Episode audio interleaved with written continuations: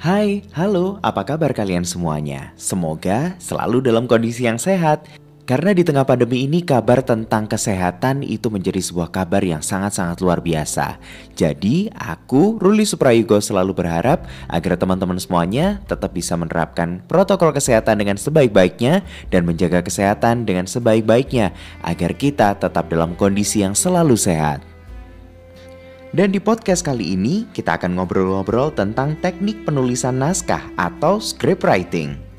Semoga materi yang Ruli sampaikan ini bisa membantu teman-teman untuk bisa belajar terkait dengan public speaking dengan sebaik-baiknya, dimulai dari teknik penulisan naskah yang benar.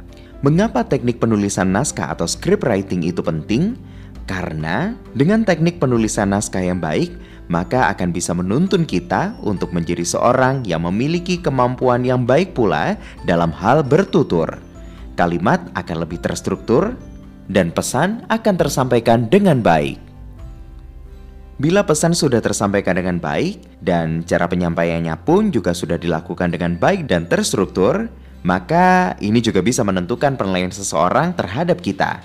Bila cara bertutur kita terstruktur dengan baik, Hal ini bisa menunjukkan cara kerja dan pemikiran kita yang juga terstruktur. Lalu, kita harus mulai dari mana dong? Oke, untuk membuat sebuah naskah yang baik, kita harus mulai dengan menentukan poin dan pokok pikiran yang ingin disampaikan. Selanjutnya, aturlah poin dan pokok pikiran tersebut menjadi sebuah alur pemikiran yang bisa disampaikan melalui kronologis, sebab akibat, atau melalui keresahan yang diakhiri dengan solusi, ataupun juga bisa dengan cara-cara yang lainnya sesuai dengan apa yang ada di pikiran kalian.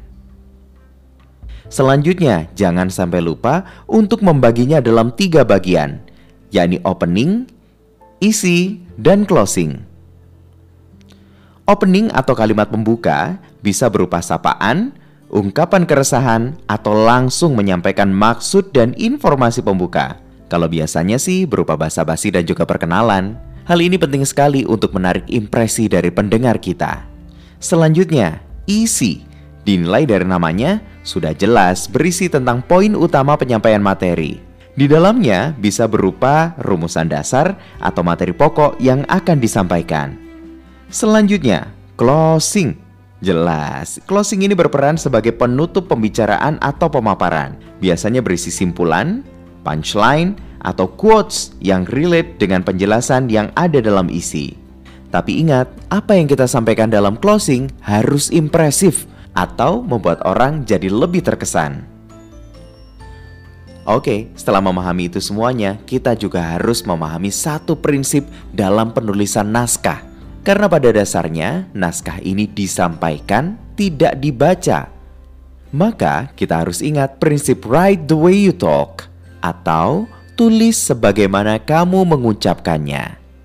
Gunakan kalimat-kalimat langsung ataupun juga kalau kalian ingin mengubah dari artikel koran atau website, cobalah baca lagi artikel tersebut. Ingat, membacanya dengan lantang seperti pada saat kalian mengatakannya. Apabila ada kata-kata yang kurang sesuai atau tidak enak didengar, maka ubahlah kata-kata, suku kata, atau imbuhan yang ada di sana agar lebih enak untuk diucapkan dan juga didengarkan.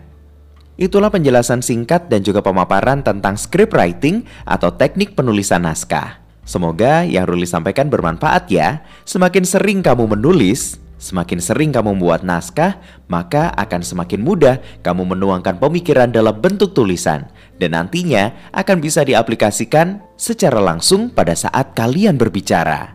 Ingat, kemampuan menulis naskah yang baik akan menunjang kemampuan kalian dalam berbicara dan menyampaikan pesan serta maksud dengan sebaik-baiknya. Semoga bermanfaat.